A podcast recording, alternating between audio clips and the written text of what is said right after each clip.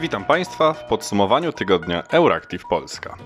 Omówimy dziś najważniejsze wydarzenia minionych siedmiu dni, w tym wyniki pierwszej tury wyborów parlamentarnych we Francji oraz nowy amerykański pakiet pomocy militarnej dla Ukrainy. Nazywam się Bartosz Sieniawski, a w wirtualnym studiu znajduje się także Patrycja Gosk.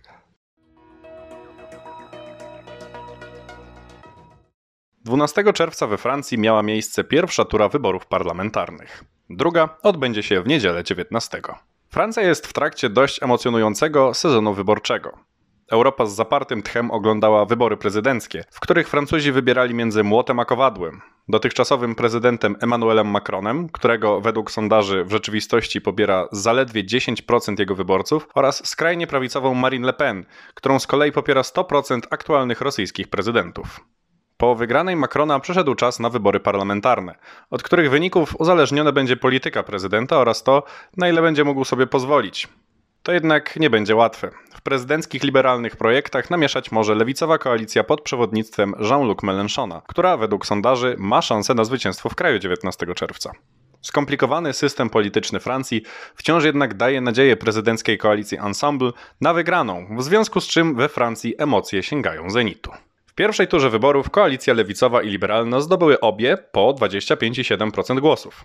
Oznacza to sporą polaryzację francuskiego społeczeństwa oraz determinację polityków, którym rzeczywiście zależy na wygranej. Trzecie miejsce w pierwszej turze uzyskał nacjonalistyczny Front Narodowy, którego poparło 18,7% Francuzów.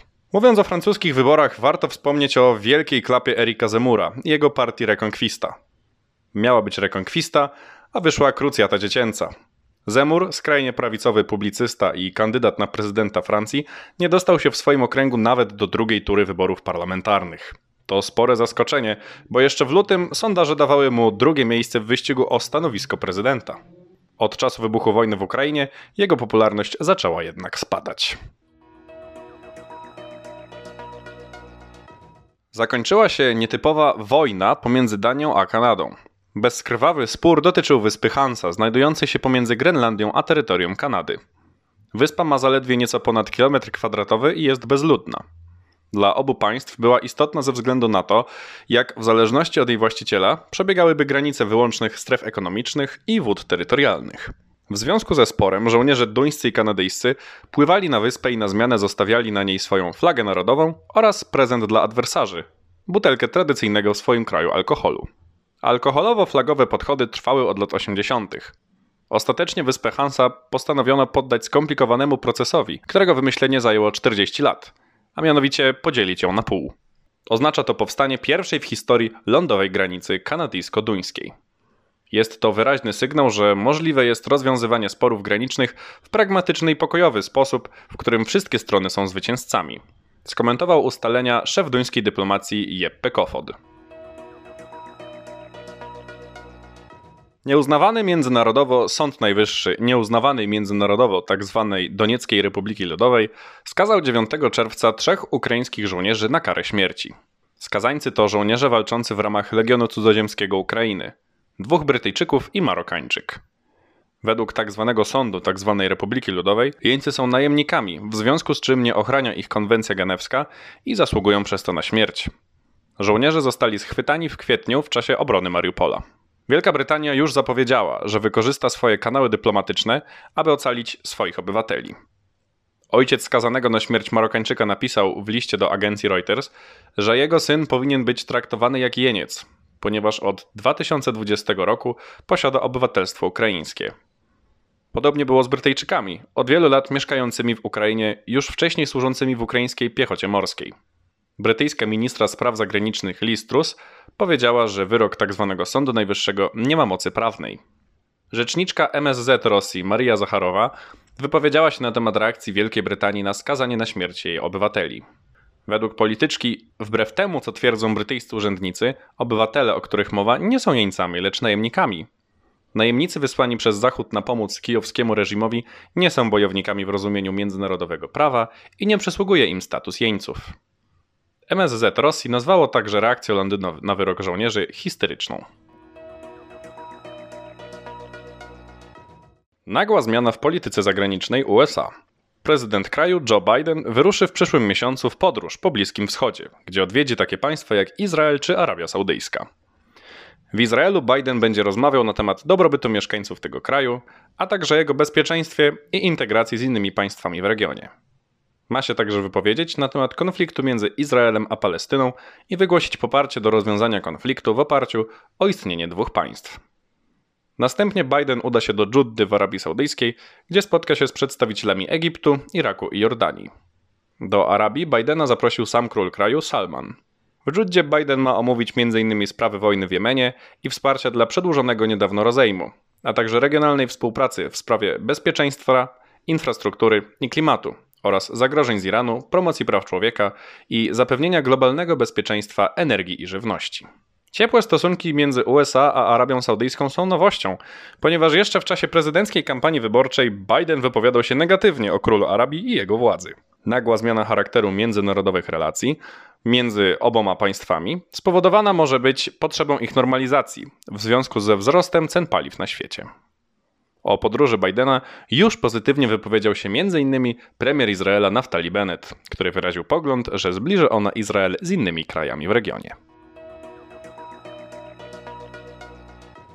Prezydent Joe Biden poinformował, że USA przekażą Ukrainie kolejną pomoc wojskową o wartości 1 miliona dolarów. Obejmie ona m.in. kolejne dostawy haubic oraz pociski przeciwokrętowe. Nowy wart 1 miliard dolarów pakiet pomocy wojskowej oznacza, że łącznie USA przekażą Ukrainie wsparcie o wartości 5,6 miliarda dolarów.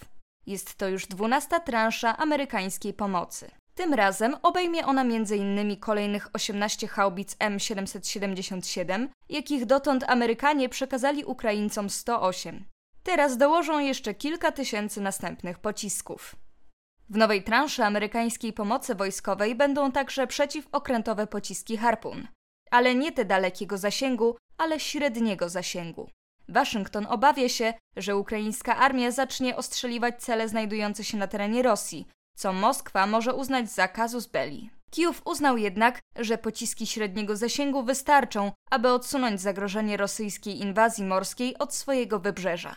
Amerykanie przekażą także dodatkowe pociski rakietowe do wieloprowadnicowych systemów HIMARS. Poinformowałem prezydenta Wołodymyra Zełęńskiego, że USA dostarczą kolejny miliard dolarów pomocy wojskowej dla Ukrainy, w tym dodatkową artylerię i broń obrony wybrzeża, a także amunicję dla artylerii i zaawansowanych systemów rakietowych, których potrzebują Ukraińcy, by wesprzeć swoje obronne operacje w Donbasie, powiedział Biden. Dwie komisje Parlamentu Europejskiego opowiedziały się za projektem rezolucji, która sprzeciwia się uznania gazu i atomu za ekologiczne źródła energii. Może to doprowadzić do zablokowania unijnych środków na inwestycje w te źródła. Ostateczne głosowanie odbędzie się w lipcu. Do odrzucenia wniosku potrzebna jest zwykła większość głosów, czyli co najmniej 353 posłów, a głosowanie we wspólnej komisji traktowane jest jako próba generalna.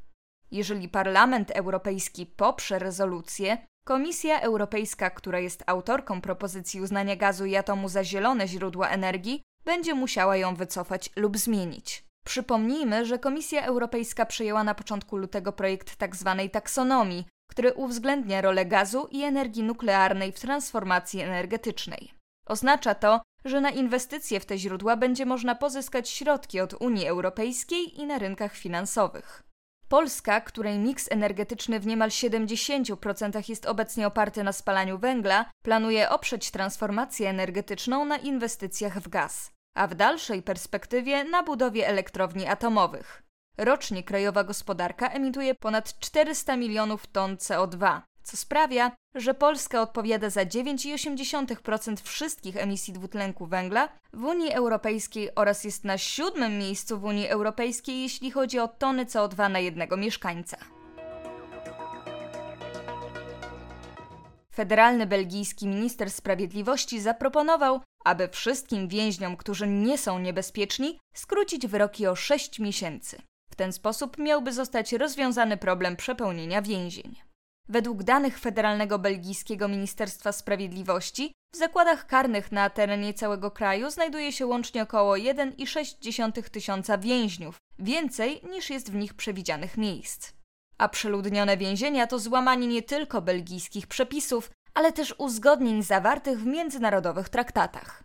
Państwo nie ma pieniędzy na budowę nowych zakładów karnych. Dlatego federalny minister sprawiedliwości Vincent van Quickenborn zaproponował, aby część więźniów wypuścić z zakrat wcześniej.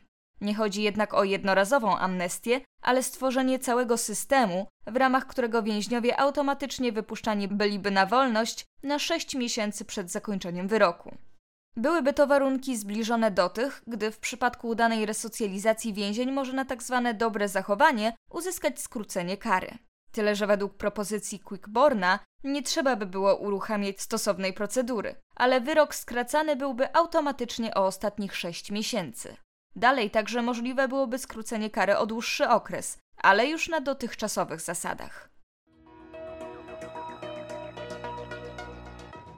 W Finlandii w poniedziałek rozpoczął pracę Lumi, najpotężniejszy superkomputer w Europie i trzeci najpotężniejszy na świecie. Sprzęt znajduje się w położonym w mieście Kajani centrum danych należącym do fińskiego CSC-IT Center for Science.